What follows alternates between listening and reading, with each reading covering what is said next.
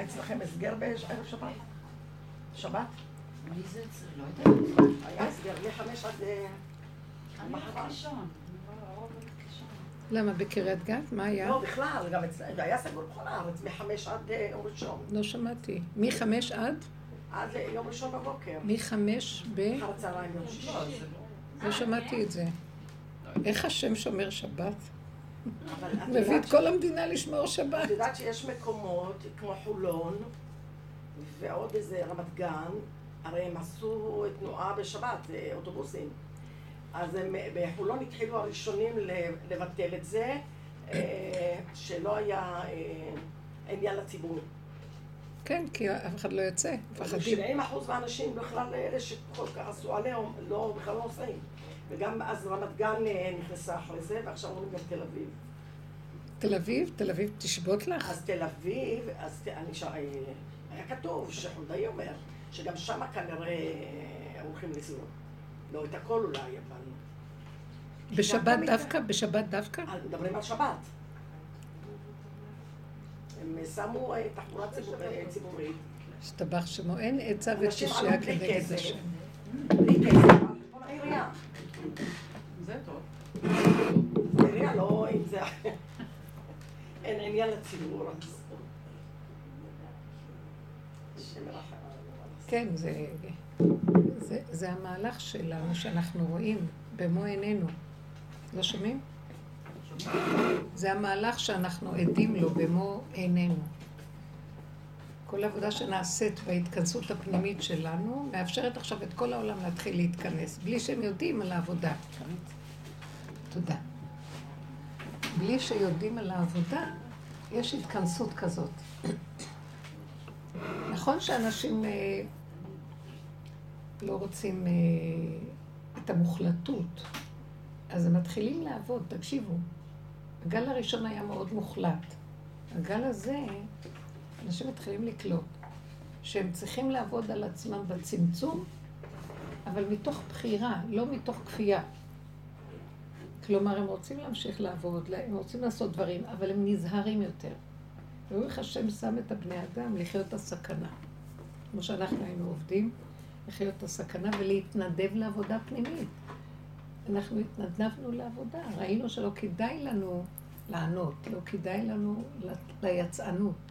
אז גם הבני אדם עכשיו מבינים שלא כדאי להם אה, יצאנות. אז הם שוקלים. זה לא מובן מאליו מה שהיה קודם. כן ללכת, לא ללכת, כן לעשות, לא לעשות. הם במצב של עבודה עם עצמם, בבחירה, הם לא כבר כמו עדר יוצא ולא שואל. יש משהו שמכריח את הבני אדם להיכנס למהלך הזה של ההתבוננות והחשיבה עם עצמם. שכל המהלך הזה של הנגיף הזה, זה, זה לעורר את הבני אדם אה, פשוט. היתקע שופר ועם לא יחרדו. אז זה לא השופר, זה נקודה קטנה שהיא כל כך מפחידה את הבני אדם, זה כמו שופר, זה מעורר, זה צעקה מהשם, תתעוררו. הפחד הזה, שאנשים נדבקים בזה, מאוד מאוד גורם שבני אדם חושבים הרבה פעמים ללכת לפה, לעשות פה, כן לעשות ככה, לא לעשות ככה. נרגעים, יושבים ברגיעות. לאט לאט תהיה התכנסות פנימה. אה, העבודה שלנו עכשיו, ומה שאני דיברתי השבוע, שהשם נתן לי להגיד, זה שצריכה להיות התכנסות עוד יותר גדולה אצלנו. מה ההתכנסות? שלנו זה לא התכנסות דווקא בפיזי, למרות שזה גם משפיע על הפיזי. זה ההתכנסות שלא לתת למוח שום משמעות. אני רואה את זה בחוש.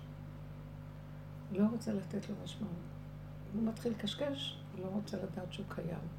ממש, אבל בצורה עוד יותר חזקה ממה שהיה אי פעם, במוחלטות. כי הסכנה שלי מאוד גדולה. רגע, אני פותחת את המוח, אני לא יכולה להכיל. רגע זה נכנסת לי חרדה. אני עוד יותר רגישה ממה שהיה אי פעם, ועל כן המוחלטות צריכה להיות עוד יותר גדולה. שאין עולם, אין כלום, יש רק כאן ועכשיו, הרגע, מה אני צריכה לעשות לפי הסיבה. ואני, ורואים סיבות פשוטות. רוב הסיבות, מה שקורה עכשיו, שהמוח הזה נסגר של תודעת עץ הדת, ואנחנו מתעקשים עד הסוף לסגור אותו, אנחנו יותר קשורים עם הבשר ודם, פשוט. הדחפים היצריים, שם נמצא, המסר החדש בא משם. ילדים קטנים שעושים את הדברים הכי פשוטים בעולם. שמחים בהם. אוכלים, שותים, הולכים, קונים דבר קטן, עושים, הכל בקטן. אבל הקטן זה, ה... זה הקוד, הקטן. דברים קטנים, לא פעולות גדולות, אבל הקטן מצטרף, אתה עושה דבר קטן, יש בו ברכה. אתה אוכל מעט, יש בזה. הסוד של העולם מתחיל להיכנס ליסוד דוד המלך, דוד הקטן. משיח בן יוסף, שזה הבחינה של הגדלות. היסוד, גדלות, ממסדיות, כוח, שליטה, יוסף השליט בארץ מצרים. ממשלה, ממשל ושליטה, למשול.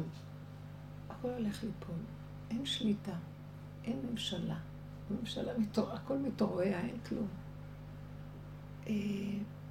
ונשאר הבן אדם עם עצמו בכאן ועכשיו, עם הסיבות הפשוטות שמביאים לו, עד אליו. אני ממש רואה את זה.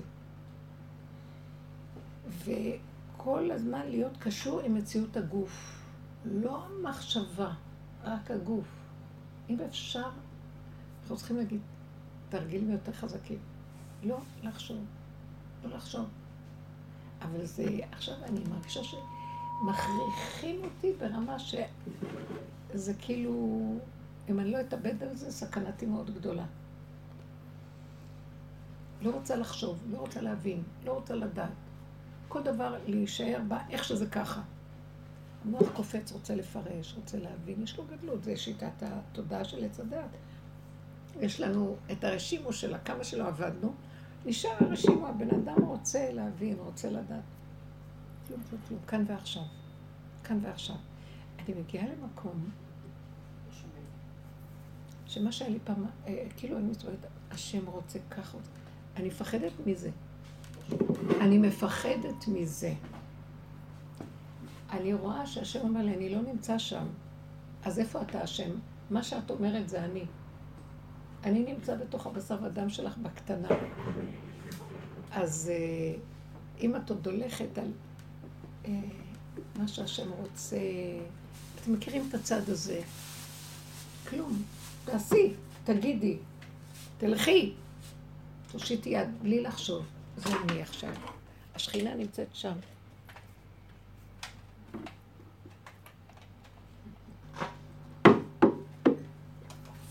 זה המקום שאנחנו... אני רוצה שנדבר על זה קצת. להישאר במקום של הקטן. הקטן. הלא יודע, לא מבין. בייחוד שיש לך איזה משהו של, בהרגשה של מצוקה. גם כשיש לך הרגשה טובה, תתרחבי. היה, אה, היה איזה משהו, יש, יש לי אה, דווקא אדם מאוד צדיק שאמר לי איזה משהו, לא אמר לי, דרך מישהו, הוא אמר לי משהו. והיה איזה רגע שנפתח לי המוח להגיד, אה, הוא אמר, אדם צדיק מאוד. מה זה צדיק? מה... צדיקים אמיתיים של הדרך. ופתאום ראיתי שזה סתר לי איזו מציאות בעצמי. משהו התנגד לי. ואז אמרתי, מי הוא בכלל? קודם כל אני. אני הולכת לזה. מה, מה שאני מרגישה זה, זה ככה אני צריכה לעשות, לא מה שמישהו יגיד לי. נמאס לי אה, לנהות אחרי. נקודה.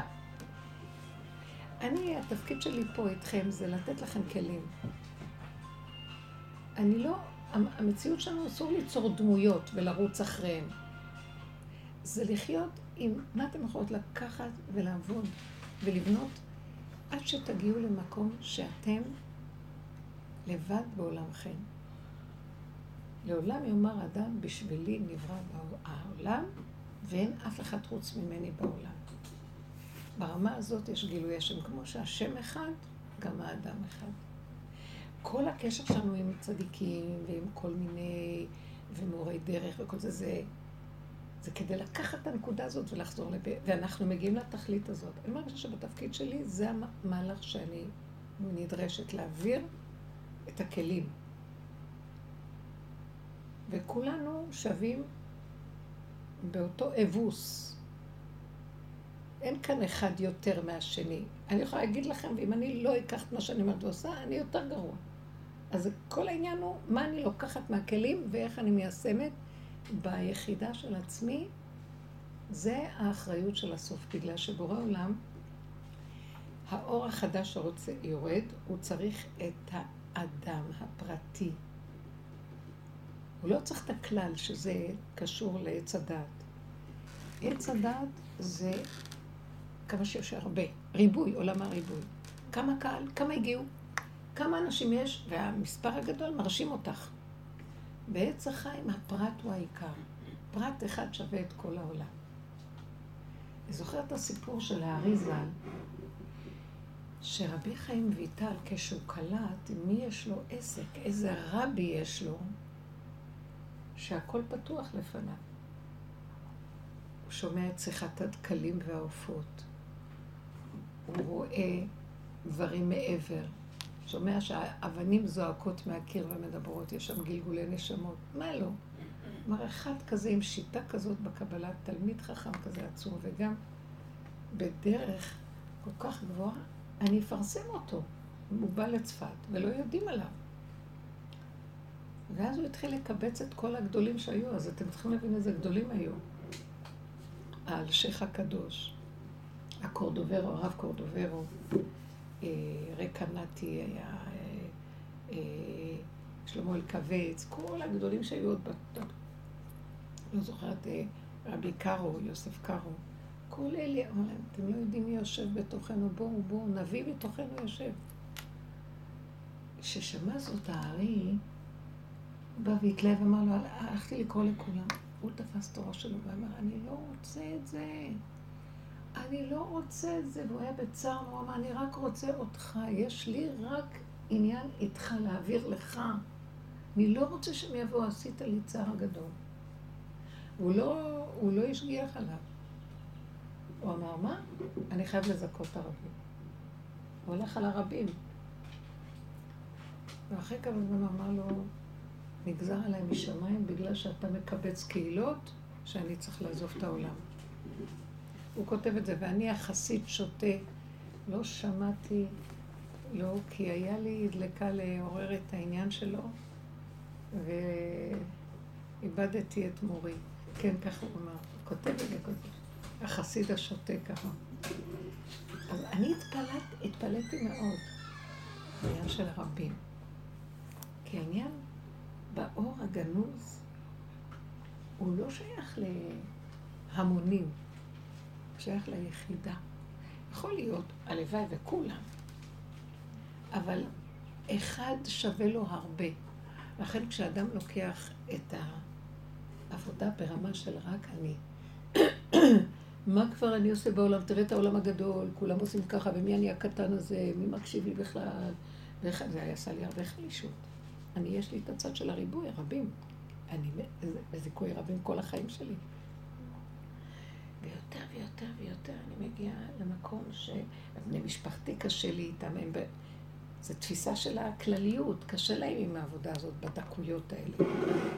אני מגיעה למקום שאני אומרת, אה, שערי בנקודה שלך, ולא רק זה, גם אם יבוא צדיק גדול מהדרך ויגיד לי ככה, ואצלי יש משהו אחר, ואני סומכת, כי זה כבר הגבול שלי כל כך דק, שאני כבר לא יכולה להגיד, אה, ואני ארוץ אחרי משהו. אני אומרת, לא, לא, זה לא מתאים לי. אתם מבינים את הדבר הזה? אנחנו לא יכולים להגיד את זה במוח של רשות הרבים, לא יכולים להגיד, זה לא מתאים לי. כי אתה פעם לא יודעת, מתאים, לא מתאים, כן מתאים, את לא סומכת על עצמך בכלל. כל השיטה של החיים שלנו לא נותנת לנו, אה, תמיד אנחנו בספק לגבי עצמנו, ולוקחים את העיניים על הגדולים ורצים אחריהם. ואילו כאן זה עושה מהפך. אתם לא מבינים? ילד קטן ומסכן יציל את כל החכמים הגדולים. אפשר להבין את הדבר הזה. כי יש לו פשטות, נקיות ותמימות. אין לו את המוח של עץ הדת. אין לו את הגדלות. אז מה יש לו? מה מוליך אותו? האור הגנות זה יורד על היצריות, על הטבע הקטן, כמו ילד קטן. הוא יורד על היצריות. היצריות מובילה. אז זה לא, כל הזמן המוח אומר, לא, היצרי זה לא טוב.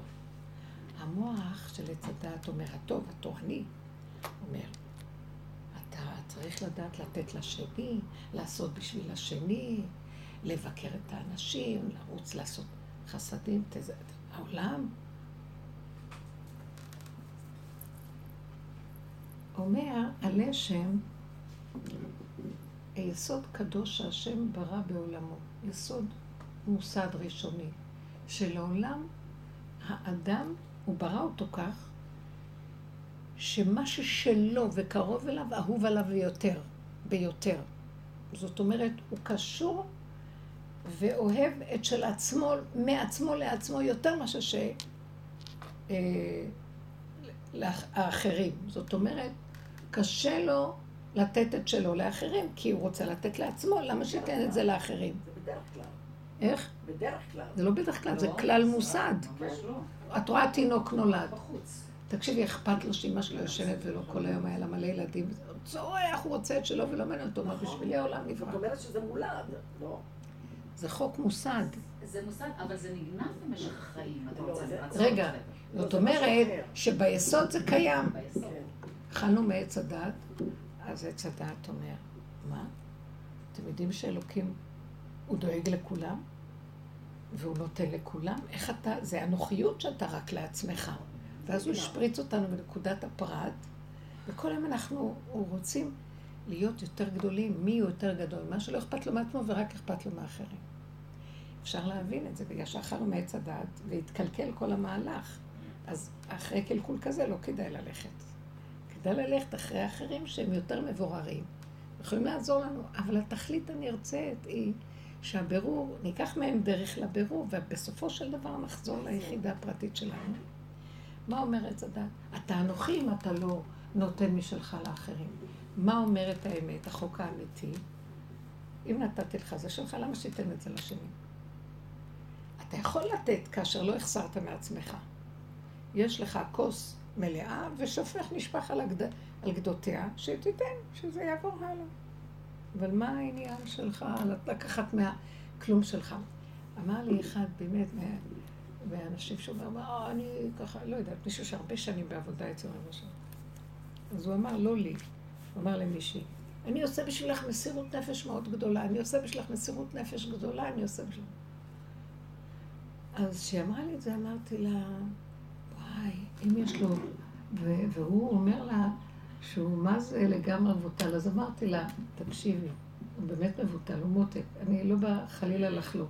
אבל פתאום אמרתי לה מטעם עצמי, אם יש לו עוד מה למסור, אז הוא לא כזה מבוטל. אם יש לו לתת מעצמו מסירות נפש, אז עוד לא. עד שנגיע למקום שאם אנחנו נמסור את הנפש, אנחנו מתחייבים בנפש. התחייבנו בנפשנו.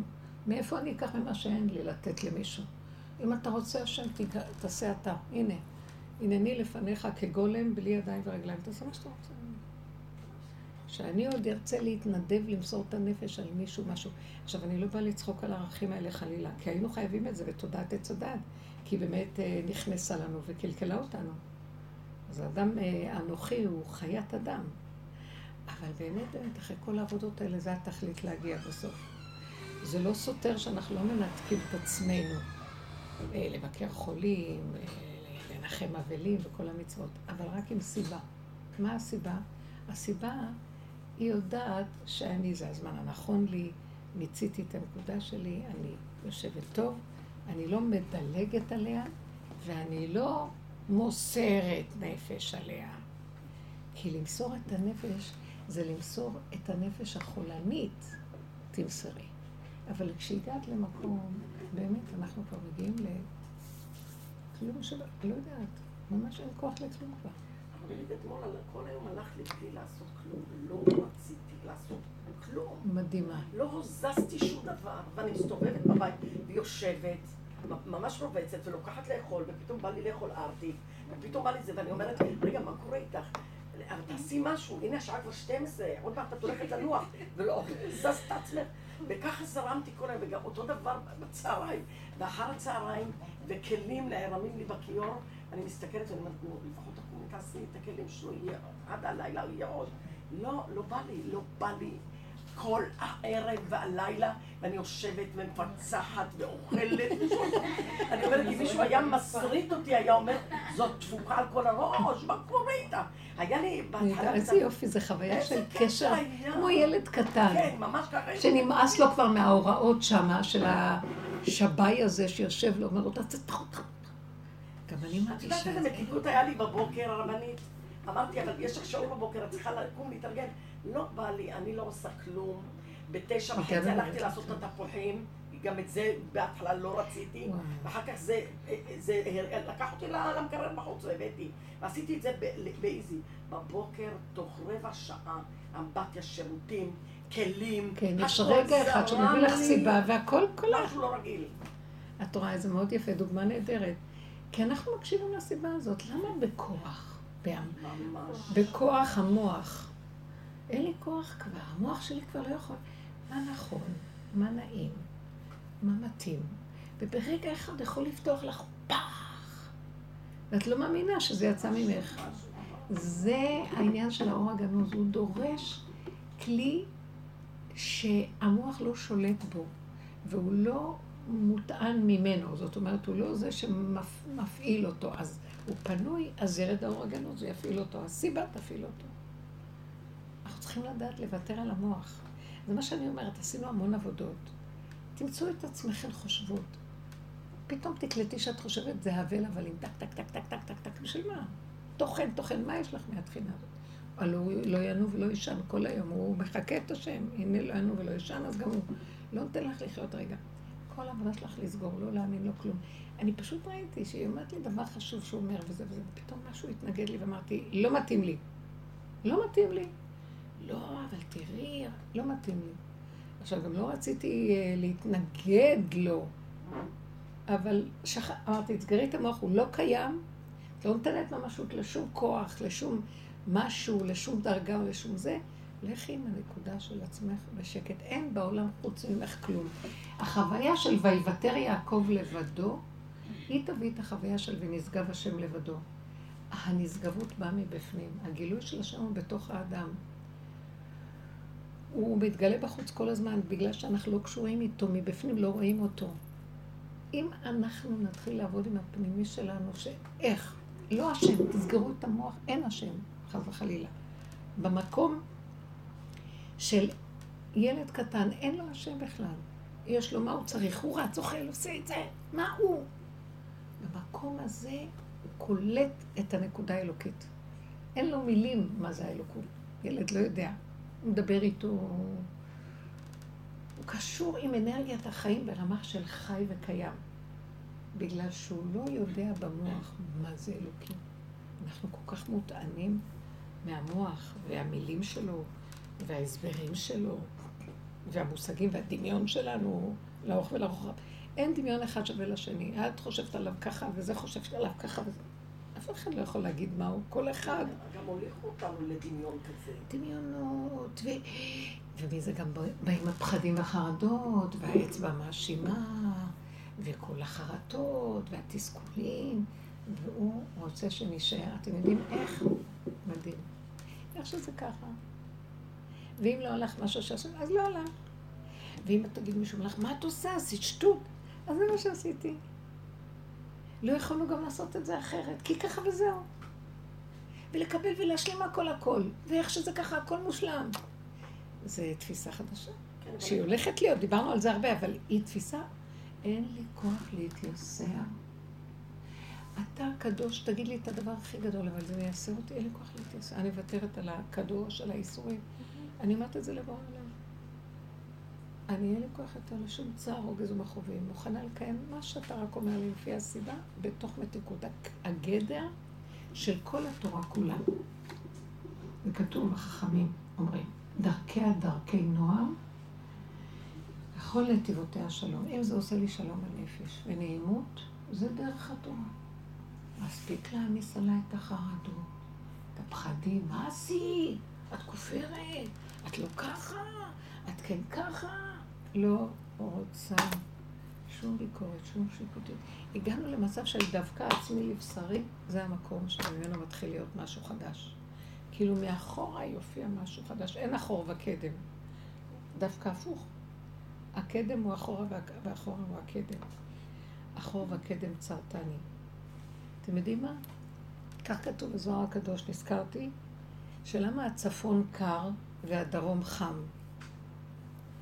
כי הצפון משקיף על הדרום, אז הוא בעצם, הדר, הצפון הוא חם והדרום הוא קר.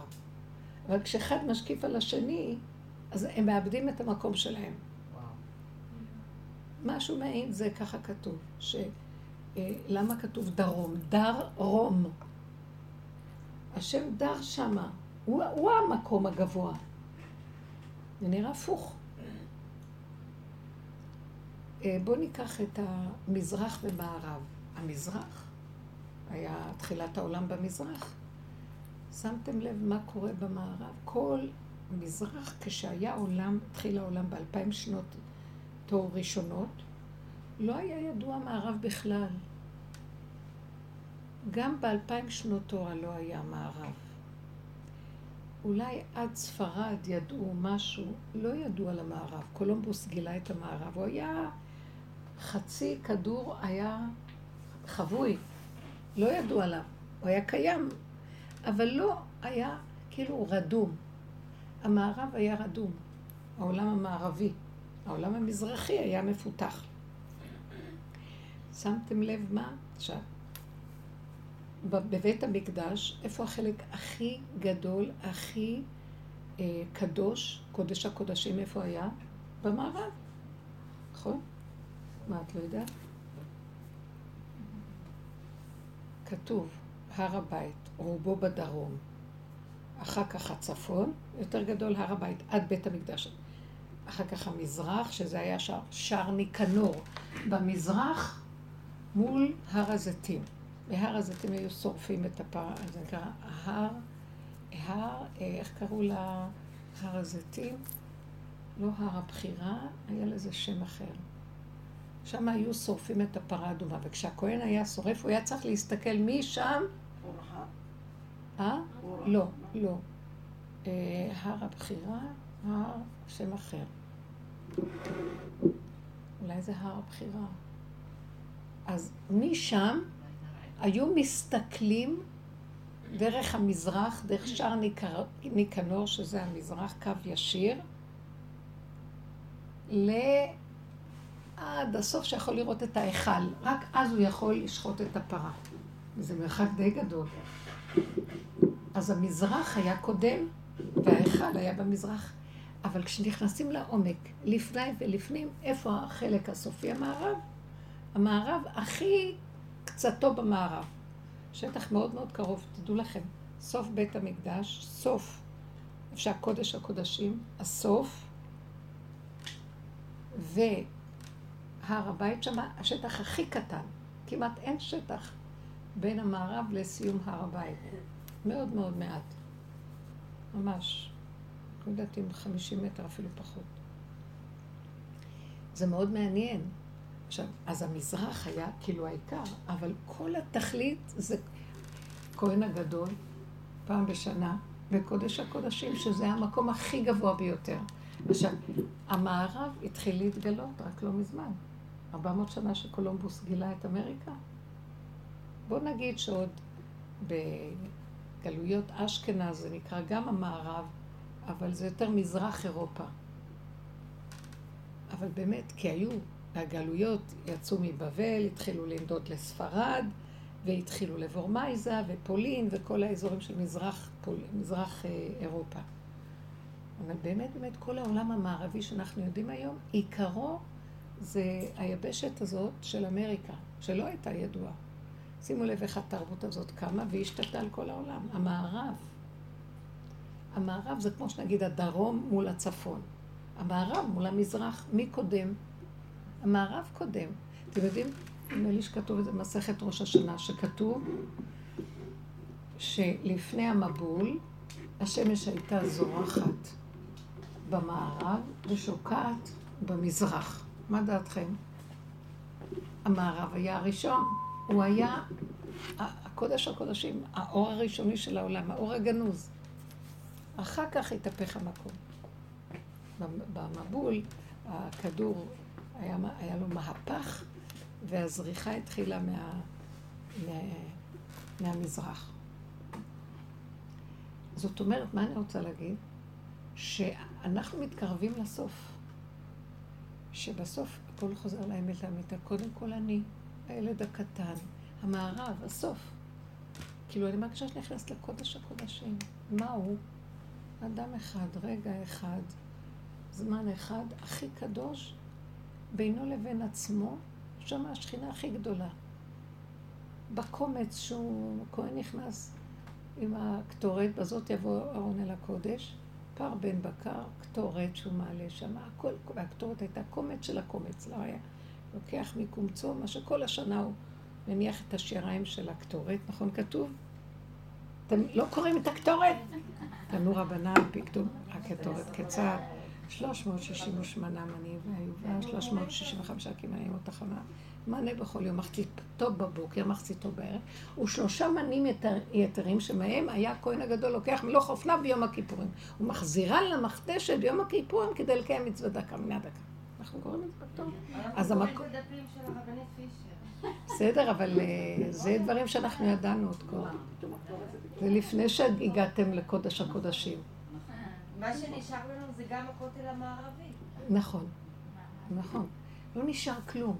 זה היסוד המוסד שבסופו של דבר אנחנו חוזרים אליו עכשיו בעבודה הזאת. לא נשאר כלום, היא מספרת, הרבנית מספרת, יושבת בבית. הרבנית הגדולה, שהיא מנהלת את כל העדה, יושבת מפצחת גרעינים, הולכת אוכלת מה שהולכת אין כוח! איזה רבנות, עזבי. עזבי רבנות, אני גם כן הכל בדיחה. יש לזה מקום במקום שלו. אבל באמת, נשארנו ממש כמו ילדים קטנים, בגבוליות. הדחף היצרי הזה, שמה מתגלה בורא עולם. תוציא אותו, בורא עולם עוצר אותו. כהן גדול נכנס לפני ולפנים.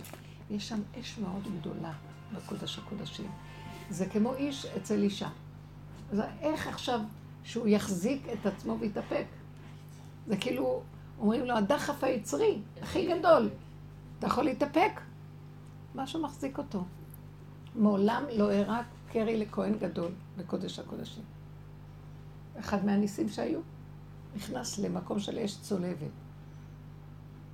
פסיק רשע ולא ימות, מה? לא, מחזיקים אותו. ואותם היא מחזיקה. האור, האור הזה, הוא מחזיק, הוא לא נותן, אז תתני את הטבע. עכשיו, אנחנו מפחדים כל הזמן, כי בתודעת עץ הדת, אם אני לא אחזיק, מי יחזיק לי? אם אני לא אשמור, אני... שם אומר, תוציאו, תוציאו, אני מחזיק. תנו לי את הדחף שלכם. תנו לי את הפשוט שלכם. תנו לי את הפעולה הקטנה, בלי לחשוב. אין מחשבה, אין שמירה. אדם לא חושב, הולך עם היצר. שם הוא נמצא. אבל זה צריך להיות באמת שהבן אדם כבר מגיע למקום שהוא נוטט את הקומה הזאת. איפה אנחנו, איך אנחנו מפוצצים אותה? בואו בוא נדבר על זה. אני רוצה דוגמאות מהחיים. לא רוצה לחשוב. לא לי לחשוב. לא רוצה לדעת, לא רוצה להבין. כי ישר זה פותח לי את המוח, מתרגזת. יש לי מה להגיד. מתרגשת. בואו ניקח את המילה במקום מתרגזת. מתרגשת. פעם זה יהיה רוגז, כעס, פעם זה יהיה קנאה. זה גם סוג של רגש, קנאה. אה, פעם פחד, חרדה. אין לי כוח, אין לי. אני אומרת לכם, אין לי. עין לי. העין התחיל להגיע. לא רוצה. לא רוצה, רוצה להיות ילדה קטנה שלא חושבת, שלא יודעת, שלא מבינה. אין לה עבודה. אמר לי הכוח לעבודה. וגם עבודות הבית וכל זה, שהרוטינות האלה, מה אנחנו חייבים. אני מרגישה שזה לא עושה דרכי, אני כבר לא יכולה להגיד, אני צריכה להתפרנס, אז אני חייבת לראות. אין, תתחיל לבלבל את המוח. גם המוח הזה שיודע שצריך להתפרנס נופל. מי מתחזק אותך? הוא איך לתחזק. תמיד הוא זה שפרנס, רק המוח שלך חרד. המוח שלך מפרש. המוח שלך נבהל. מה עוד כאן? גרוש פה ועוד גרוש שם. לא סתם קוראים לזה גרוש, שיתגרש מהגרוש.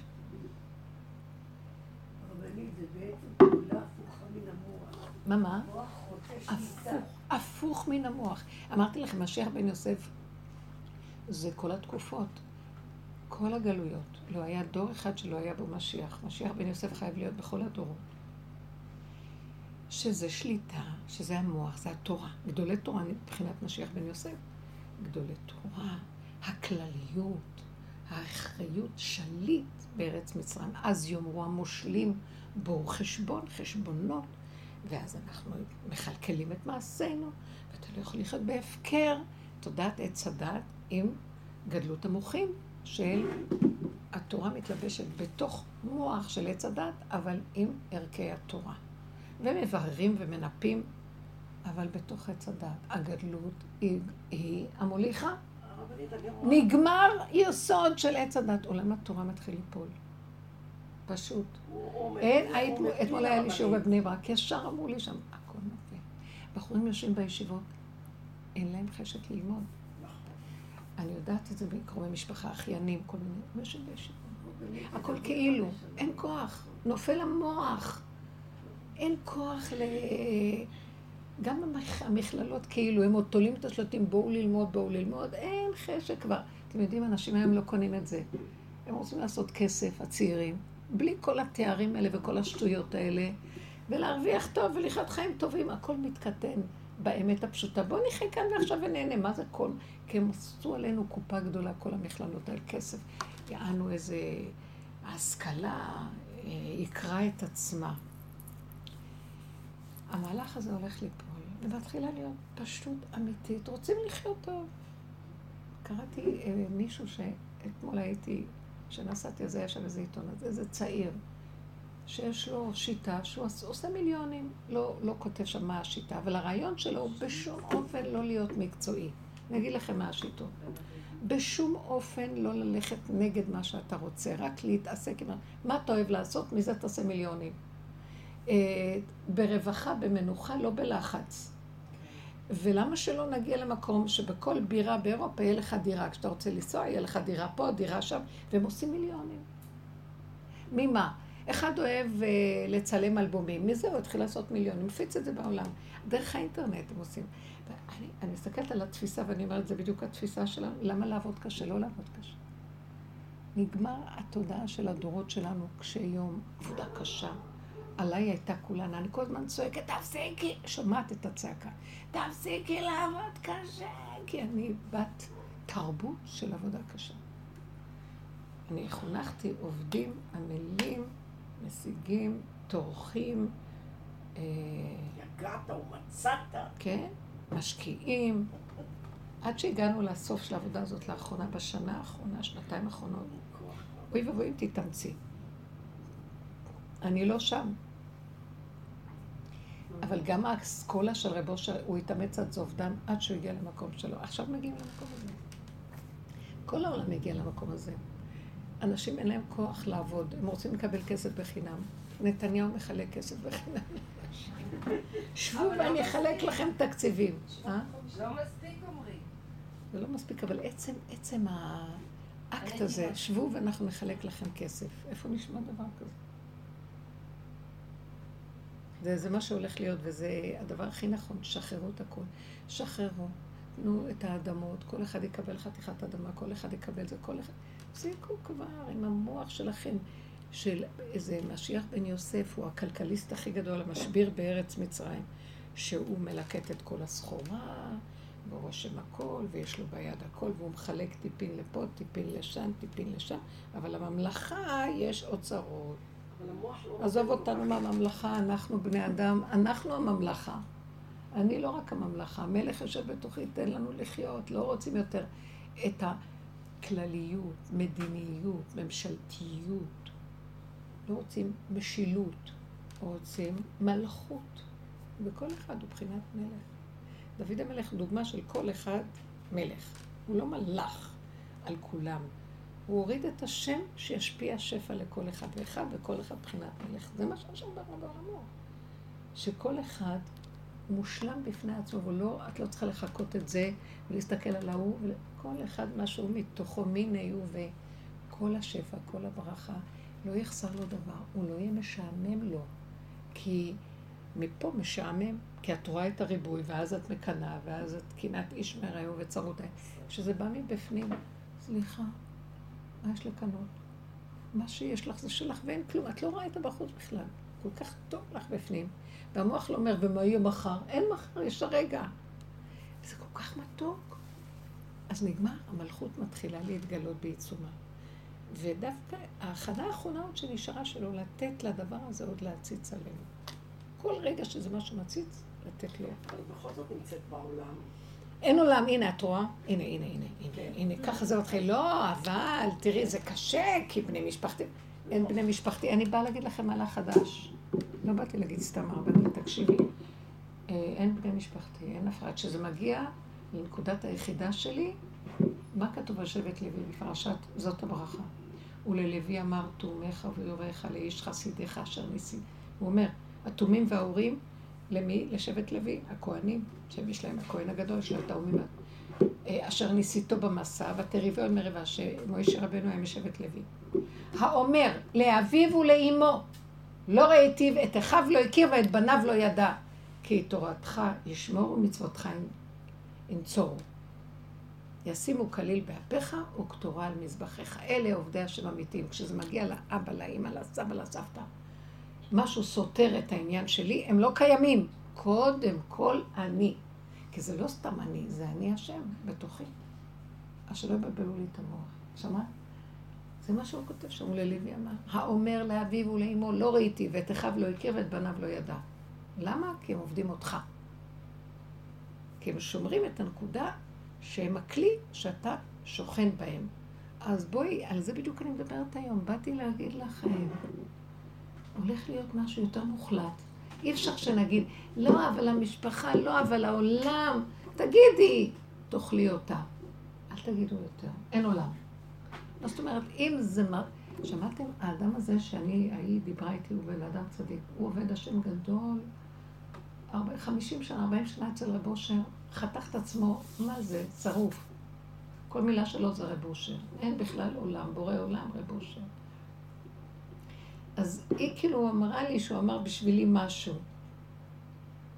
ואני רגע חשבתי, ברגע הראשונה הוא אמר בשבילי משהו, והוא אמר, פתאום אני רואה שזה סתר לי את הנקודה שלי. אז אמרתי לה, לא, לא, לא מתאים לי.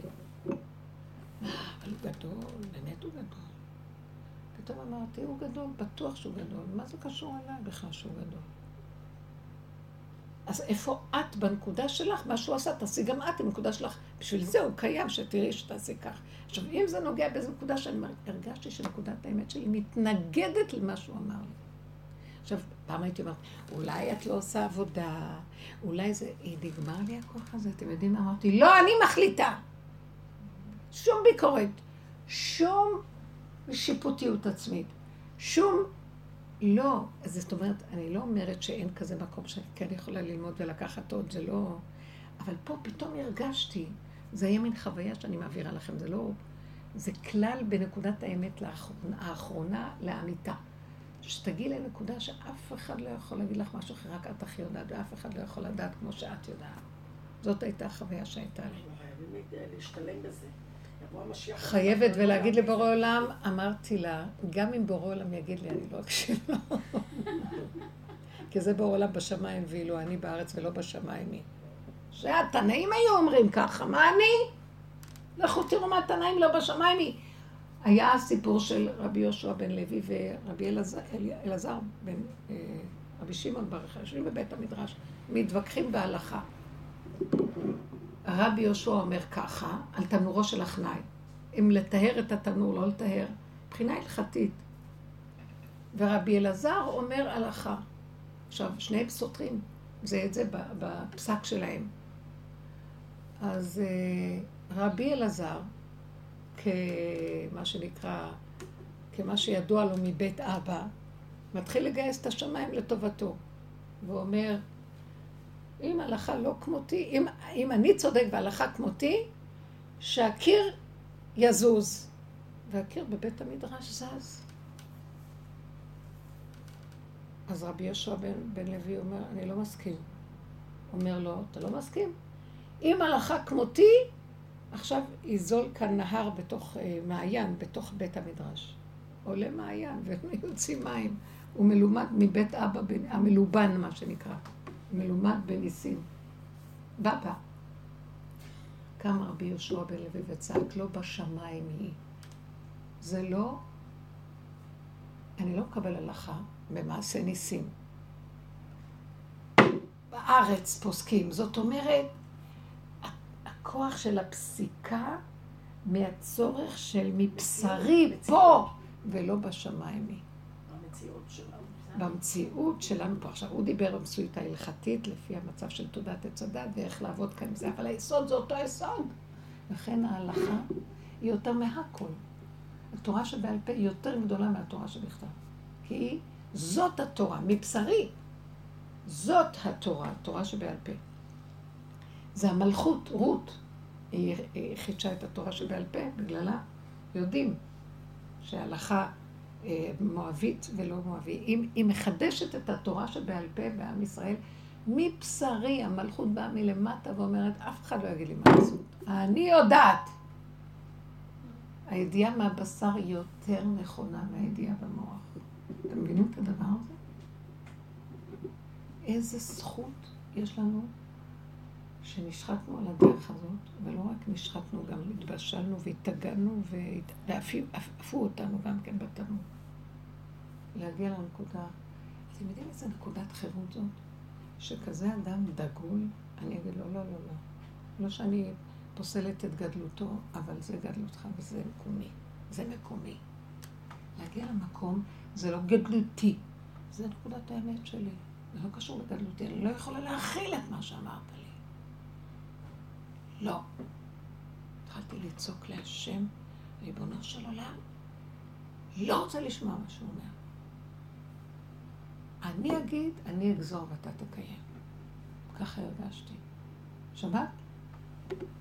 היה לי מאוד חזק הדבר הזה, וזהו, סגרתי את המוח, והבנתי שכל זה קרה רק כדי שאני אעביר את המסר הזה, שאם אנחנו ניגע, נלך עד הסוף עם העבודה, באמת, את בתוכך הכל.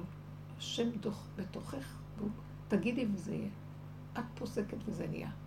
כי את הכי יודעת בנקודה ש... עכשיו, זה לא לרבים, זה לעצמך. מבינה? אבל יש שם עיקרון שהוא טוב לרבים. מי שהולך בעבודה, כל אחד... הש... הפסק יהיה שונה, אותו דבר לא יתאים לך, אבל אותו עיקרון, איך פוסקים, מתאים לך. כולכם. זו הנקודה של הסוף. לכן, אני מגיעה למקום, אבל אני אומרת לכם את כל האמת. אני לא מסוגלת יותר שיהיה לי את שלטון הבעלות, הבעל. זאת אומרת שיש דברים שאני משתווה וזה מתאים לי, אני אשרת באמונה את הנקודה. כשזה סותר אותי, שום דבר לא יגיד לי. גם לא תורת הגלות, כי זה סותר את נקודת האמת שלי. אתם מבינים מה אני מדברת? אתם מבינות מה אני מדברת? נגמרה קללה. וזה מה שהשם רוצה, שנפרק אותה ונגיע לאמת שלנו, ונגאל את נקודת האמת. הוא אומר, או, הגאול הזה, אני באה לגאול אותו. הוא, הוא גואל את הגאולים, כמו שאומר, בית חרוב חרבת, בית שרוף שרפת, אדם גאול גאלת. מה זה אדם גאול? תמיד השם, הכלל הוא בבריאה, שקודם אתם ואחר כך אני. שובו אליי ואשוב עליכם, ואנחנו אומרים לו, לא, השיבנו השם אליכם נשובה. הוא אומר, לא, לא, לא, הכלל בבריאה, אני יכול לעשות לכם הכל. אבל אני רוצה שאתם תגיעו לקצה של, תמצאו את הבחירה עד הסוף, שלא יישאר כלום, תגידו ככה, לא בשמיים מי. אתם מבינים את הדבר הזה? זה חידוש מאוד גדול. אומר שלום, אני מתחננת לפניך, ששם אני רוצה, פה אשב, זאת מנוחתי, פה אשב כי הביתיה. אני מתגעגעת למקום הזה. אתם יודעים כמה אנחנו חיים בייסורי תופת במוח של בלבולים? אולי כן, אולי לא. ההוא אמר, זה עשה, ואנחנו, היונות פוטות רצות, וכל החיים מצולקים מהכאבים. כי זה לא התאים, אבל בכל אופן אמרו ולא אמרו וכן. וזה הגלות, וזה האיסורים, וזה הסמל. וזה הולך להיפסק. אשרי מי שנוגע בנקודה הזאת. השם מחפש את אלה. זה בחינת משיח הפרט. עכשיו, זה לא שהוא משתלט. עכשיו, אני לא יכולה להגיד לכם מה הייתה הנקודה שלי שאמר לי, ואני ידעתי מה לא. אני יכולה להגיד לכם את העיקרון. כאשר הבן אדם מגיע עד הקצה, רבאק, אכלו אותו, גמרו עליו, אין לו כבר כלום, אין לו כוח. היה רוצה כבר ללכת מזמן, ויש לו ברירה, הוא פה. אף אחד לא יגיד לו מה לעשות עכשיו. אם זה... היה לי כוח שהתנגד כל כך, שזה לא היה סביר, ההתנגדות שקמה לי. שמתי לה, נתתי לה מקום. לא אמרתי, אה, תעשי עבודה, את מתנגדת, לא רודפת אחרי כלום. נקודת האמת, שם נמצא הבורא. שמעתם? זו הייתה חוויה מאוד חזקה. ואנחנו מגיעים למקום הזה עכשיו. שם יש את הישועה מבפנים. את כבר גאולה. שנוטף אותך. רק אתה, רק אתה, רק אתה, רק אתה, רק אתה, רק נאמנות מוחלטת, רק אתה. ואז אמרתי, בדיוק זה מה שלמדתי ממנו, כמו שהוא אין דבר שהוא יקבל מאף אחד, רק כי הוא יודע שרבו שם בתוכו, ורק זה מה יש. ואותו דבר, הנה. אתה רואה? הוא רוצה שנגיע לתכלית הזאת. אז עכשיו שאת אומרת, פותחת המוח, אומרת, לא, אבל העולם, אבל האנשים, למה, למה את מאבדת את העיקר שלך אחרי כל האיסורים שעברת? את לא מעריכה את החיים, את האיסורים, את הכאבים שלך, את העמל והיגיעה המזעזעים. למה הם שווים שאני אמות עליהם ואני אאבד את הנקודה שלי עליהם? בגלל שתראי, זה לא פשוט, לא פשוט. אתם מבינים מה אני אומרת? אל תתני למקום הזה. תהיי החלטית יותר, ואת יודעת להיות אם את רוצה. תוציאי את הכוח הזה מבפנים. למה שאני אמות על מישהו פה? וזה נקרא ימותו ולא בחוכמה. מילא הצלתי אותו, אלה נשארים עם הקשקושים שלהם. ואני על, חלילה בסכנה ליפול בעניין שלהם, וכל המדרגות להפיל אותם שם. למה? מה? איפה? מי אמר? תסתכלי על כל גדולי עולם, נניח בלימוד וזה, הרב אלישיב צפצף על כולם וברח מהעולם. לא ידע איך קוראים לילדים שלו. כי הוא ידע את הנקודה שלו, וזה גמרנו, למה שהוא ימסור את חייו על מישהו בכלל? זה התכלית ש, שהיהדות רצתה, שפרטים יצמחו על גבי הכלל. שיקריבו את המשפחתיות, את הכל, כדי שיצא אחד כזה בעולם. גם את עכשיו תחשבי. האחד שעובד ככה, מציל את כל העולם ואת המשפחה שלו, בלי שהם ידעו אפילו. מה יש לנו מזה שאנחנו מתחשבים? לא, אבל תראי, העולם... לא, אבל תראי, אנחנו בעולם, המשפחה, השכנים, הזה... אבל אה, תרחם עליי, אני, אני יודעת, אני בסכנה בדיוק אותו דבר, כל הזמן. ואז התפילה כאן, אני, תרחם עליי, תעזור לי. אני מפגרת. אני אעזוב מקור מים חיים, ואני אלך לחצוב בורות נשברים, שמה? מי הם כולם פה? מה? עלמא דשיקרא משוגעת, לא רק, הכל מתגלה, מתרסק. אתם לא רואים מה קורה בעולם? אני עכשיו נסעתי, והיה עיתון ישראל היום. אין, אין מה לקרוא, אה, אתם מבינים? הכל תת רמה. השר, הכל נראה לי, אין רמה בכלל, אין כלום. פעם עוד היה ככה מעניין החדשות. כלום, טוב וברור. אחד נגד השני, אף אחד לא מעריך כלום. אה, ממשלה מבולבלת. ראש הממשלה אומר משהו, זה סותר אותו, זה סותר אותו, זה סותר אותו מתוך המפלגה של עצמו, מתוך... אי אפשר ככה לפסוק כלום. אסור להביא כסף לאנשים, עד היום עוד לא התחילו, הוא אמר, היום הולכים לתת. כי קמו מתוכו והם מתנגדים לו. תקשיבו, אי אפשר ככה לפעול. אין ממשלה שיכולה לפעול כל כך הרבה דעות וריבועים. כל אחד צריך להגיד מה הוא חושב, כל אחד. מצד אחד יש בזה משהו שהשם מראה, נגמר הממשלה, כל אחד יגיד, כן, כן. אבל אי אפשר מנהג, ממסד כזה. אז הממסד מתפרק.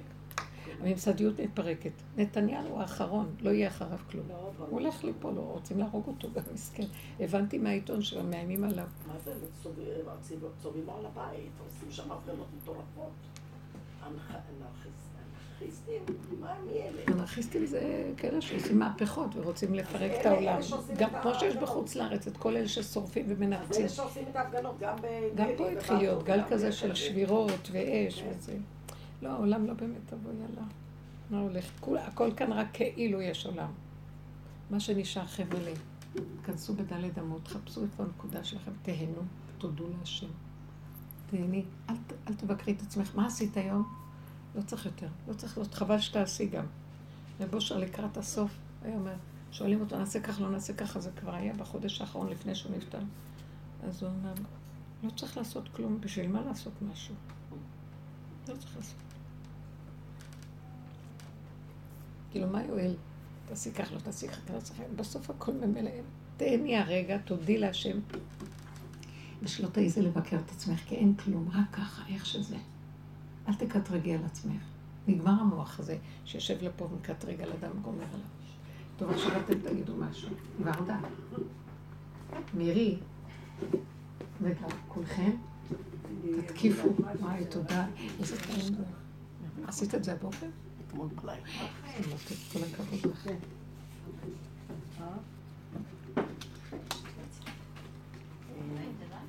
אני אביא להם רק לשתות.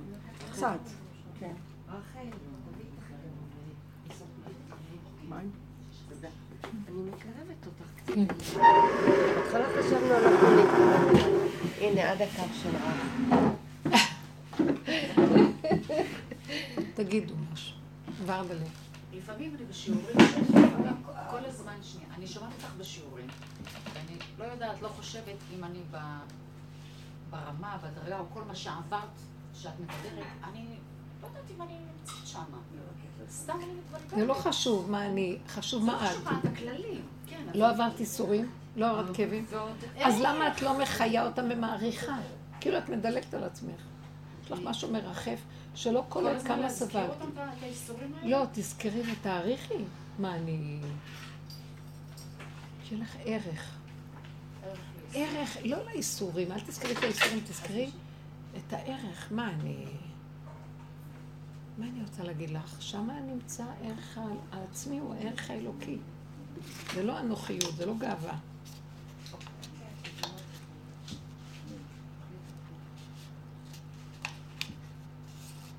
הרבנית בשיעורים, אחד השיעורים, אני כבר לא זוכרת. זה הרמת הראש של המלכות.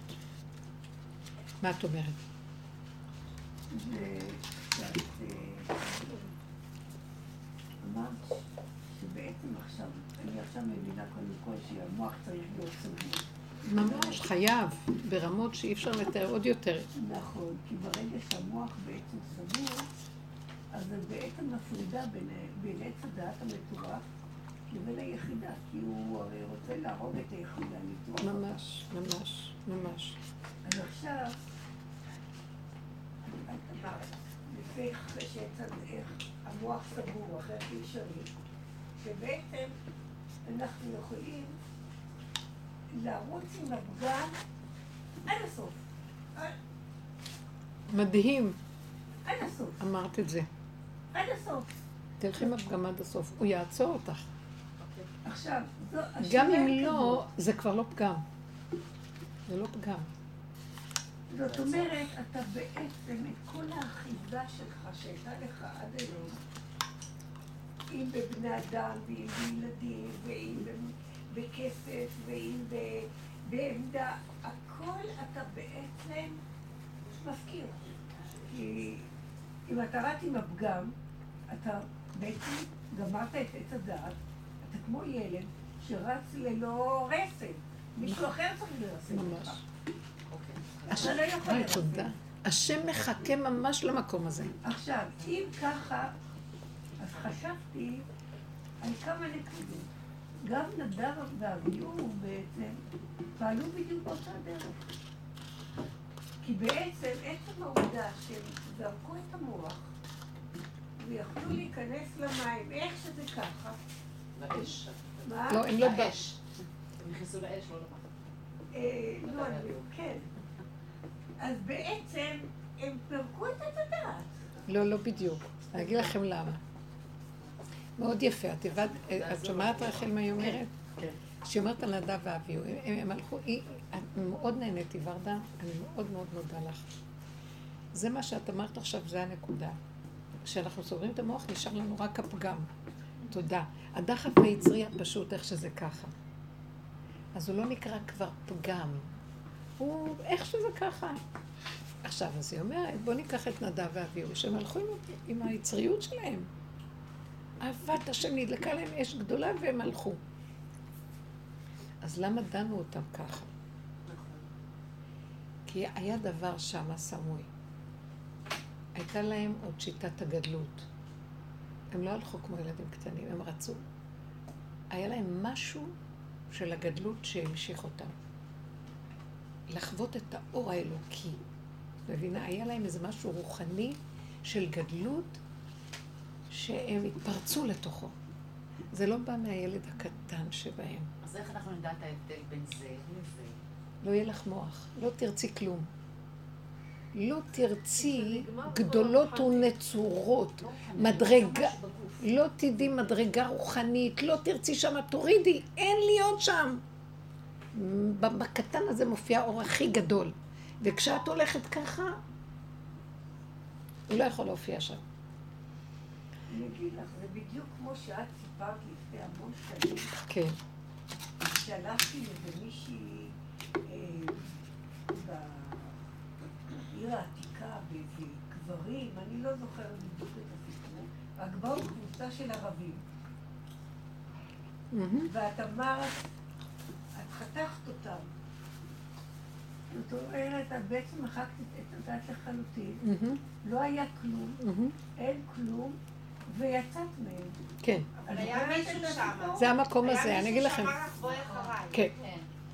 אני אגיד לכם מה היה שם. זה היה, הלכנו בהילולה של רבי שמעון בר יוחאי, לא נסעתי למירון, הייתי בירושלים, ואז היא אמרה לי, התקשרה, והיא אומרת לי, מה, לא נעשה כלום הערב? בואי נלך לכותל. אמרתי לה, טוב. אחרי זה, פתאום אני רואה אותה, יש לה אוטו, היא נסעה, היא אומרת לי, בוא נחנה וניכנס לשער הרחמים. זה הצד המזרחי של החומה של הר הבית, ושם יש שער. עכשיו, שער הרחמים אומרים משם יבוא משיח, אבל זה מסורת נוצרית. היא לא מסורת יהודית. יש שם גם איזה מסגד למטה ב... בכל אופן, שסגרו אותו, אבל עכשיו רוצים לפתוח אותו. על כל מקרה, אז לא ידעתי כל כך את זה. אמרה לי, שער הרחמים, אומרים מכאן יבוא משיח, שנתפלל מול שער הרחמים. שער הרחמים, יש לו ממש, הוא, הערבים בנו שם בית קברות. זה יותר, אני אומרת שזה, מס- שער הרחמים יש בו איזו מסורת גויית, לא מסורת יהודית. אבל למה אומרים כל אה, ראש חודש שער הרחמים לעמך ישראל פותח ביום ראש החודש ייפתח? לא. שער הרחמים, אולי מתכוונים לשערי רחמים בכלל, לא כוונה דווקא לשער הזה. יותר לקחו את זה הצד הנוצרי שמשיח, יימח שמו, יבוא משם. אז אנחנו השתקנו את הדבר, אבל באמת זה שער הרחמים. הוא לא נקרא שער החודש רחמים על. שם הרחמים, שהשם יפתח רחמים לעם ישראל. כל מקרה לא חשוב, הלכנו שם, שם יש בית קברות של ערבים. ממש, יש שם איזה, בנו שם, יש שער, ובנו שם איזה מקום שאת יכולה לשבת קצת, אבנים, מטר כזה, ומתחת למטר הזה באדמה, שם מלא קברים. אני לא ידעתי את זה.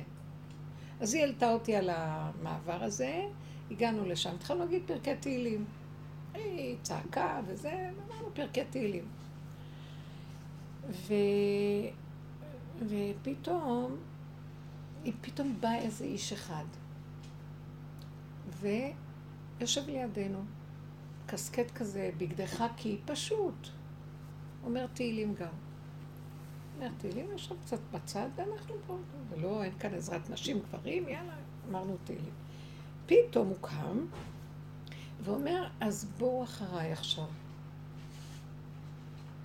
ואז אני אמרתי, הסתכלתי עליה, ואמרתי, אפשר עוד קצת לשבת, לא?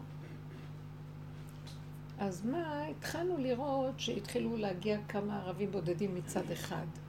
אבל אנחנו באנו מהצד הזה, ואז אני אמרתי, לא, נצא כבר. אבל אני התכוונתי לחזור מאיפה שבאנו. ואז הוא אומר לי, לא, לא משם. אני אראה לכם מאיפה. ואז הוא לוקח אותנו מהכיוון ההפוך. עכשיו, מהכיוון ההפוך לצאת. אני הולכת אחריו, מתפלאה, מה קרה? מי הוא, מה הוא, למה הוא אומר שהוא יודע? טוב, סיבה. פתאום אני רואה, וואו, מתקרב אלינו המונים, מה זה המונים? את יודעת, הלוויה המונית של ערבים, רק גברים. משולהבים, מרימים את מיטת המת שלהם, באו לקבור איזה מת. והם, אה, והם צועקים את התפילות שלהם. היא זוכרת את זה. וואו וואו, אוללה, מוחמד רסוללה, משהו כזה, וצועקים, צועקים, צועקים, צועקים. עכשיו אני אומרת, וואי, והוא אומר לי, למה לא הלכנו משם? פתאום הבנתי שאם היינו הולכים משם זה הסוף נתקע, היינו נתקעים כי הם רוצים, רצים לכיוון הזה לקבור ולא היינו יכולים לזוז משם. ואז הוא אומר לנו, בואו אחריי. עכשיו, לאן אחריך? אין לאן, רק להיכנס לתוכם. ופתאום הבנתי, מסתכל עליי, ואז הבנתי, אני חייבת לסגור את המוח. אבל ברמות, שאם אני רק אפתח אותו, הלך לה, איך אני יכולה, בתוך, אני בתוך גברים, קדימה, פה, פה, פה, ואת הולכת ככה בתוכה. ועברנו. עכשיו, הם לא ראו אותנו, לא ראו. הוא הולך, שביל כזה, ואנחנו אחריו. הם לא ראו אותנו, אבל המוח היה צריך להיות נעול, סגור, כלום. פחדתי לפתוח טיפה, רק לראות מה הם עושים פה, ו- ומה יהיה פה, ורק הפחד היה גומר עליי, וגומר עליי, ונותן להם כוח לפעול עלינו. וככה הוא הלך, ככה הלכנו. זה היה איזה מהלך של איזה שתי דקות ארוכות, תגידו, זה מפחיד, אפילו יותר. עד שיצאנו לכיוון השני. מתוכם! וכאילו הם לא רואים אותנו. הם היו נעצרים צועקים, לא רואים, לא רואים, לא רואים. זה היה רבי שמעון בר יוחאי, זה היה הלילה של רבי שמעון בר יוחאי.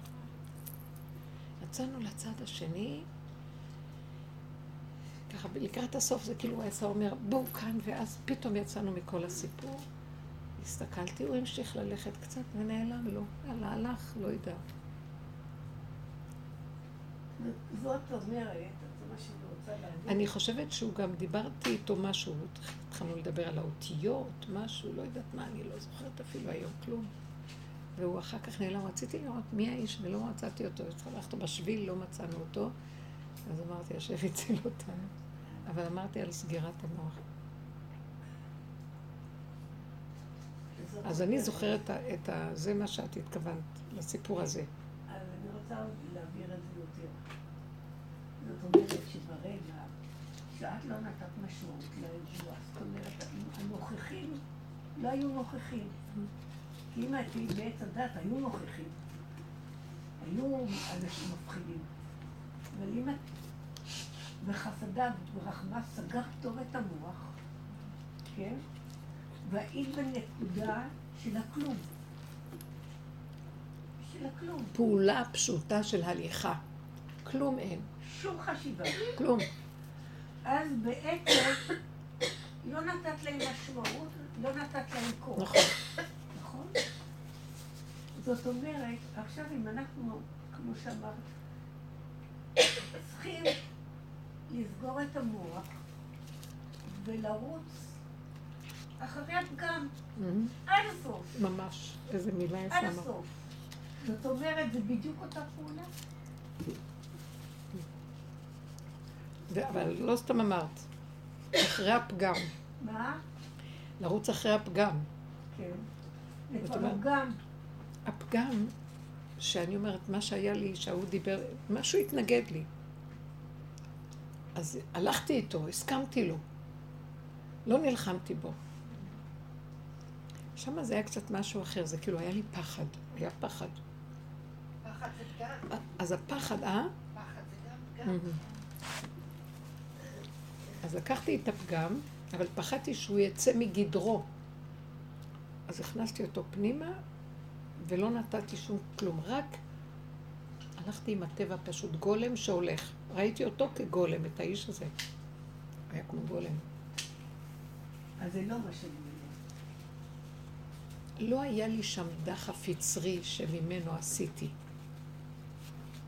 היה לי שם, הלכתי אחריו. והוא נתן איזו אווירה של רגיעות, אבל התעורר לי פחד מבפנים. מה זאת אומרת? לקחת את הפחד וללכת איתו. לקחתי את הפחד וידעתי שהוא בא לי מהמוח. הוא לא בא... מעניין מאוד. זה המוח מפחיד. במקרה הזה זה לא היה... לא הרגשתי סכנת חיים, הרגשתי שהמוח יפתח לי ואני יכולה למות ממנו. ואז זה סכנת החיים. אבל אם אני מתרכזת ברגליים, בידיים, אין כלום, שום פחד. אז זה לא בדיוק היה הפגם של הפחד. יכול להיות הפגם זה המחשבה. מה זה? יכול להיות שהפגם זה כשהמחשבה הראשונית של אה, סכנת חיים מתעוררת ואדם, המוח לוקח אותה והוא מרחיב אותה, זה יסוד הפגם.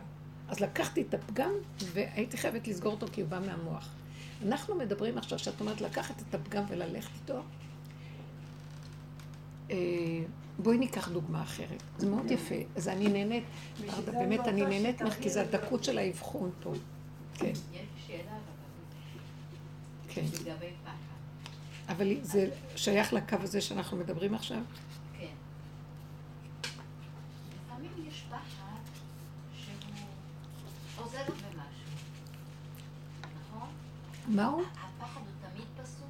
יש, לא. לפעמים ישנו פחד שלפח שהוא עוזר לך במשהו, להתמודד עם משהו, אם משהו נמצא בפנייך. אז יפה, זה הפגם. זה כבר לא פגם, זה טבע. שהשם יסד בעולמו שהוא לתועלת. כל טבע שהשם ברא בעולמו הוא לתועלת.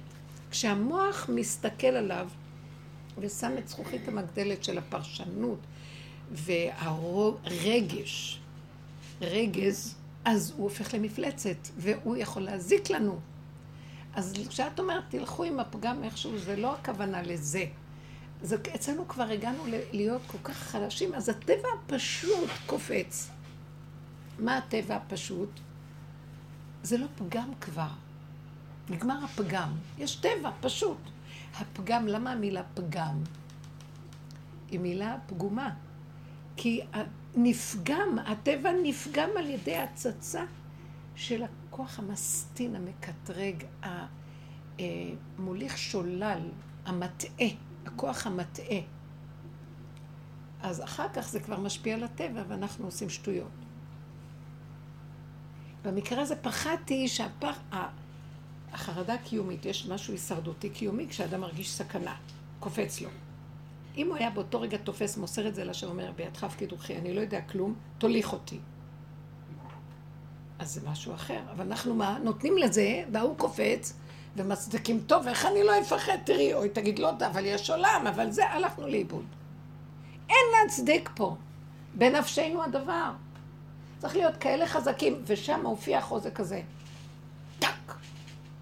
לא היה זמן לפינוקים, מה שנקרא. זה המקום שאני רוצה, שאת מדברת, אז לכי עם הפגם, את מדברת על המקום הזה. טבע פשוט. עכשיו תראו לאיזה רמה זה. נניח אם מישהו יגיד לי, אה, מה... את לא יכולה לתת לכם איזה דוגמה, את עושה ככה ולא ככה, והיא צריכה לעשות ככה ואיך זה ככה, ואני יודעת שמה שעשיתי הוא נכון. אז אני לא רוצה לשמוע מה שהוא אומר, אני הולכת עם הנקודה שלי, ואז עכשיו בא לי מחשבה ואומרת, אבל אמרו לך משהו, למה את מרדנית? אולי תבדקי מה שהוא אומר. יש לי איזו התנגדות למה שהשני אומר. אני מרימה תפילה לשם, אומרת לו, ריבונו של עולם, זה מה שאני! אני הולכת עם זה איתך! ככה בראת אותי. אני לא עוצר את עצמי יותר, אין לי כוח. כי זה המין היובי שלי, זה מה שאני. תעצור אותי אתה אם אתה רוצה, אני לא. לכי עם זה ככה. זה הוא רוצה. את מבינה מה אני מתכוונת? יש כאן איזו נקודה שצריך להבין אותה.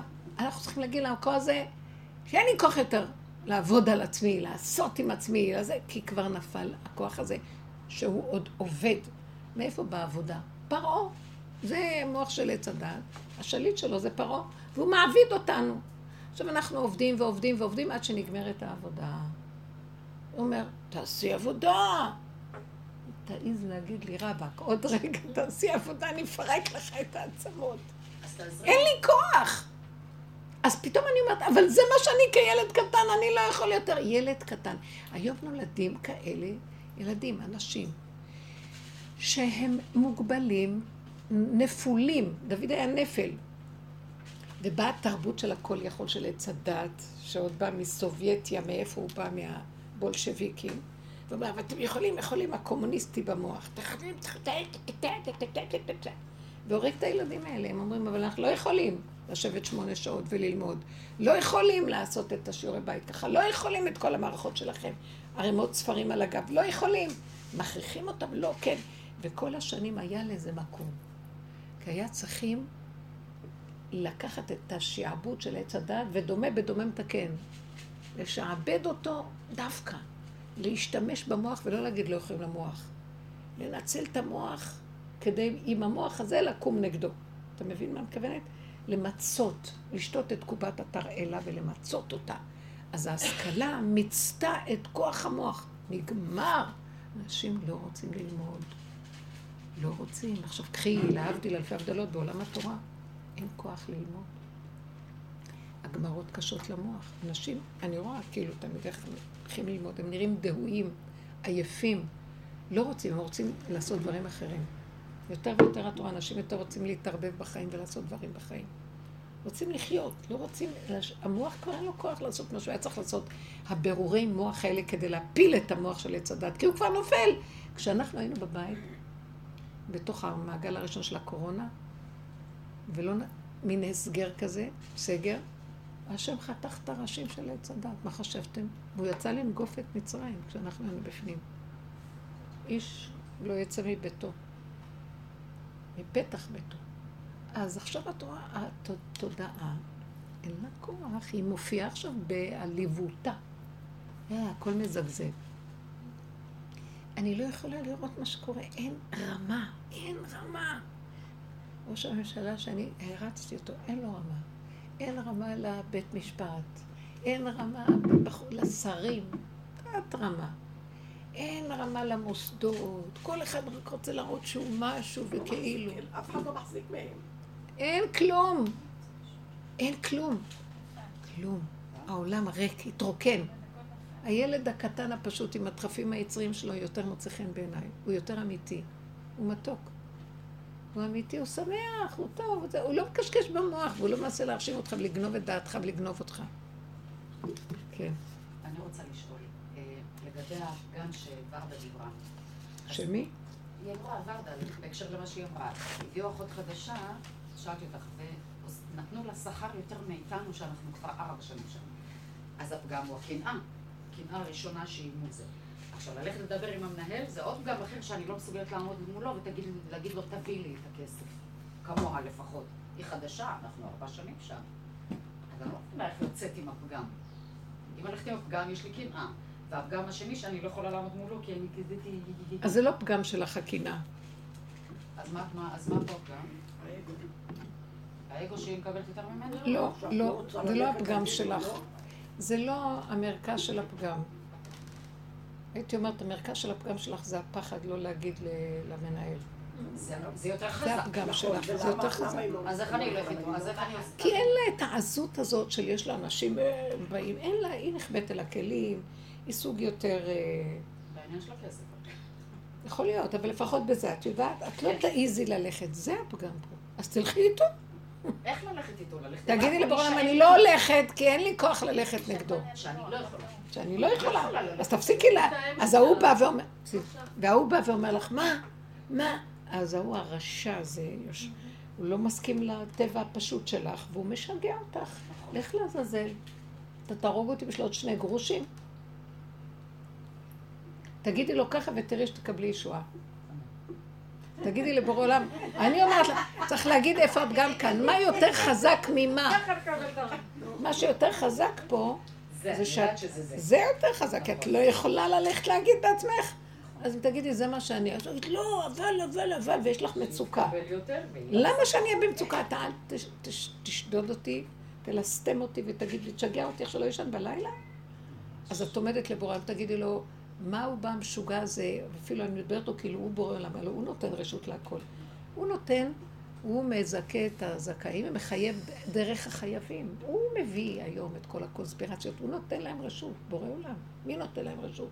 כאילו הם שולטים בעולם והם החליטו לסדר לנו את כל הס... ככה, והקורונה והשבבים וכל הסיפורים האלה. זה בורא עולם מזיז את הכל. אני ראיתי את זה בחוש. שאני מרגישה שלפעמים אני אומרת איזה דבר, כאילו, אני רואה את בורא עולם, אני, אני זוכרת שהייתי מדברת עם uh, שמואל כץ או רב והייתי אומרת, עוד לפני שאני מדברת הוא כבר יודע. שמואל כץ היה כאילו השליח שלו, אבל זה רב אושר. אני עוד לא מדברת, הוא יודע מה אני רוצה להגיד. אני עוד לא שואלת משהו, הוא נותן לי כבר תשובה. והיום אני מסתכלת ואני אומרת, מה, יש לו שבב אצלי?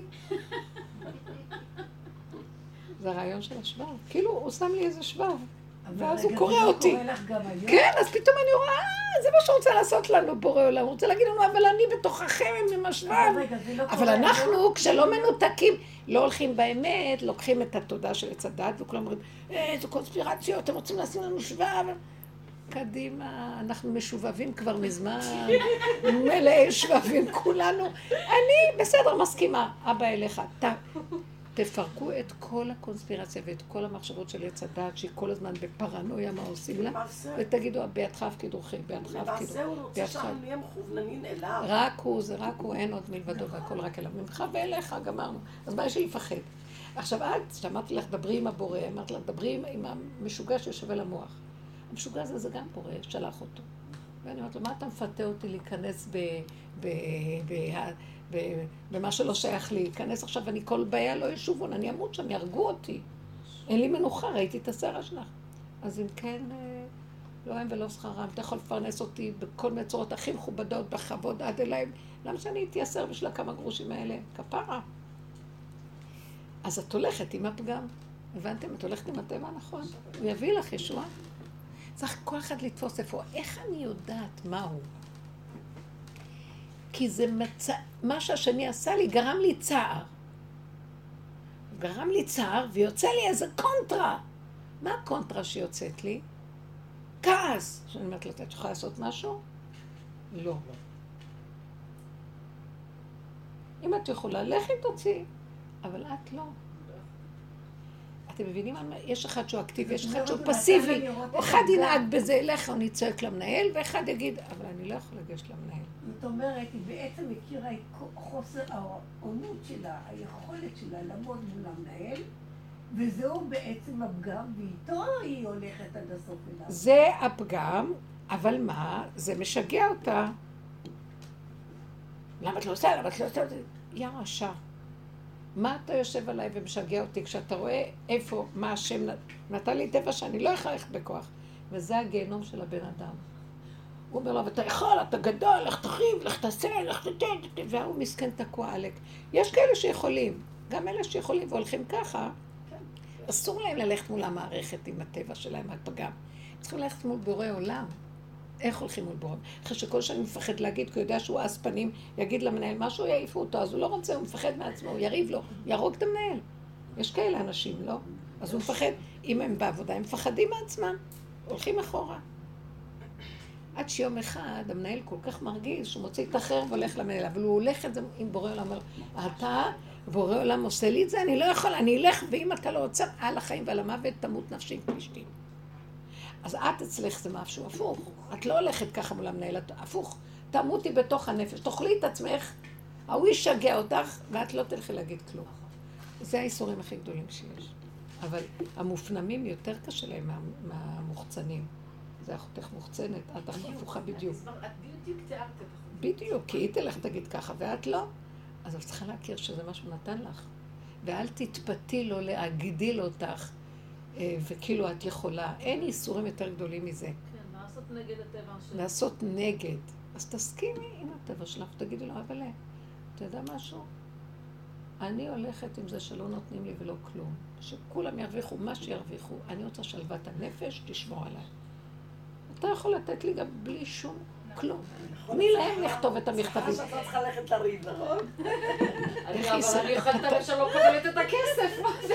אז את יודעת משהו? הוא ייתן דרכם. הוא ייתן, אז האחרות שיכולות לדבר ילכו, מה אכפת לך? תחתמי להם יחד איתם, אבל אל תישארי עם הכאבים, אל תישארי עם המוח. לכי, תאכלי את לחמך בשמחה, תשתי את ינך, כי רצה אלוקים את מעשייך, וגמרנו, יבוא הכסף עד אליי. כל אחד מהנקודה שלו, תבינו, אנחנו צריכים לדעת את עצמנו. זה הדרך הזאת, דע את עצמך, זה מדהים. זה מדהים. היא דרך דקה ומעניינת. למה? כי אחרי שאת יודעת באמת מי את, שמה נמצאת, נמצאת השכינה. שמה זה הבורא. לא בשמיים היא, שמה. כן. אני מאוד נהנית מהמילה פגם, כי באמת לקראת הסוף אנחנו נלך עם עצמנו איך שאנחנו. כי לא יכולים אחרת. ונהיה כל כך מתוסכלים, כי הרבה עשינו עבודה, והעבודה שעשינו, היא... אה, מתנו. ופתאום אחרי כל זה אתה עוד מעמיד לי את הראש של הנחש הזה מולי? עכשיו אני נגדך. מה אתה רוצה מהחיים שלי? אז כל אחד איכשהו. אני לא יכול, אז אני אשב. אני יכול, אז אני ארוץ להרוג. כל אחד, זה לא חשוב מה. העיקר אני הולך עם נקודת הפגם, מבינה? אבל מולו. כן, ברור. אוקיי. היה לי חלום לפני שבועיים, ולא היה, לא הייתי בבית, לא יודעת, לא שייך איפה הייתי. מילאתי כניסה במכונת כניסה. בחלום.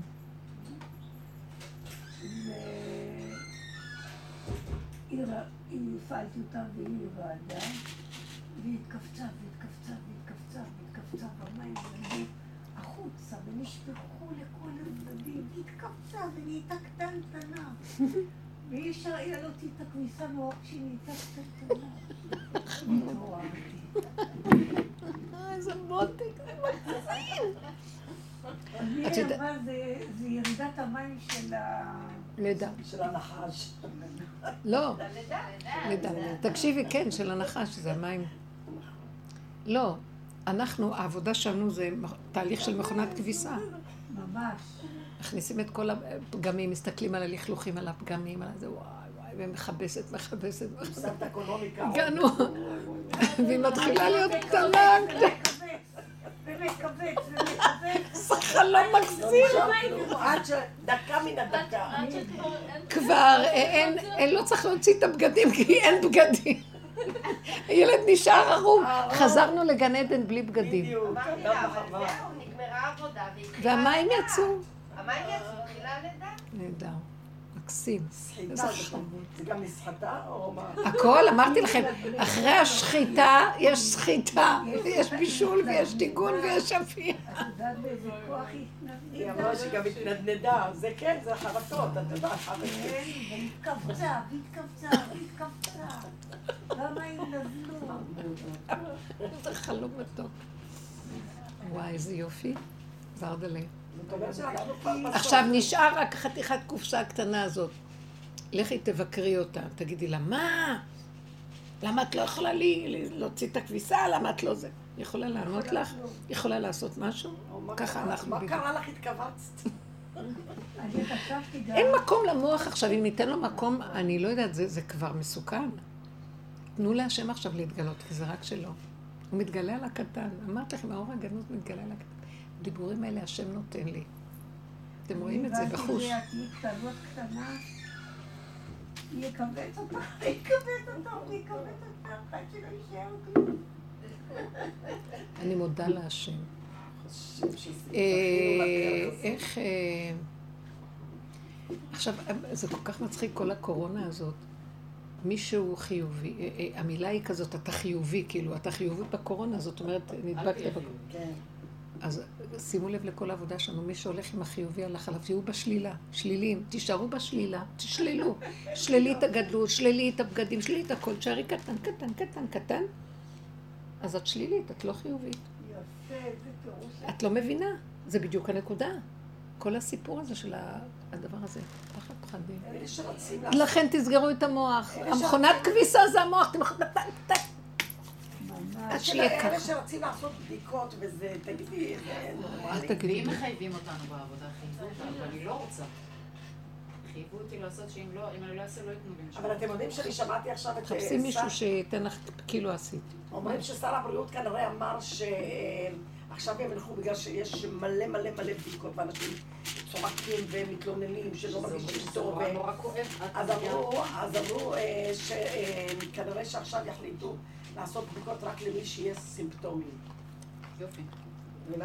אצלנו מכריחים, אמרתי. אנשים רצים... מה זה הבדיקות? עושים לכולם? לא הבנתי. מה היה קודם? עכשיו, עד עכשיו. את יודעת אה, הלהיבו אה, אה, אה, אלה שעושים בדיקות בקופת חולים כללית, יצ'פרו אותם, שישבו לעשות בדיקות, כמה שיותר. אז אותנו בעבודה חייבו שאני לא אדביק אחרים אם חס וחלילה יש, אבל לא נחשפתי לאף אחד ואני לא רוצה לעשות. אבל עזבי, יש כאלה שלא נחשפו לכלום, מכניסים אותם לבידוד. עכשיו, אלה שבבידוד בבית, עוד חצי נחמה, אלה שבבידוד במקומות מבודדים, שהשם ישמור ויציל.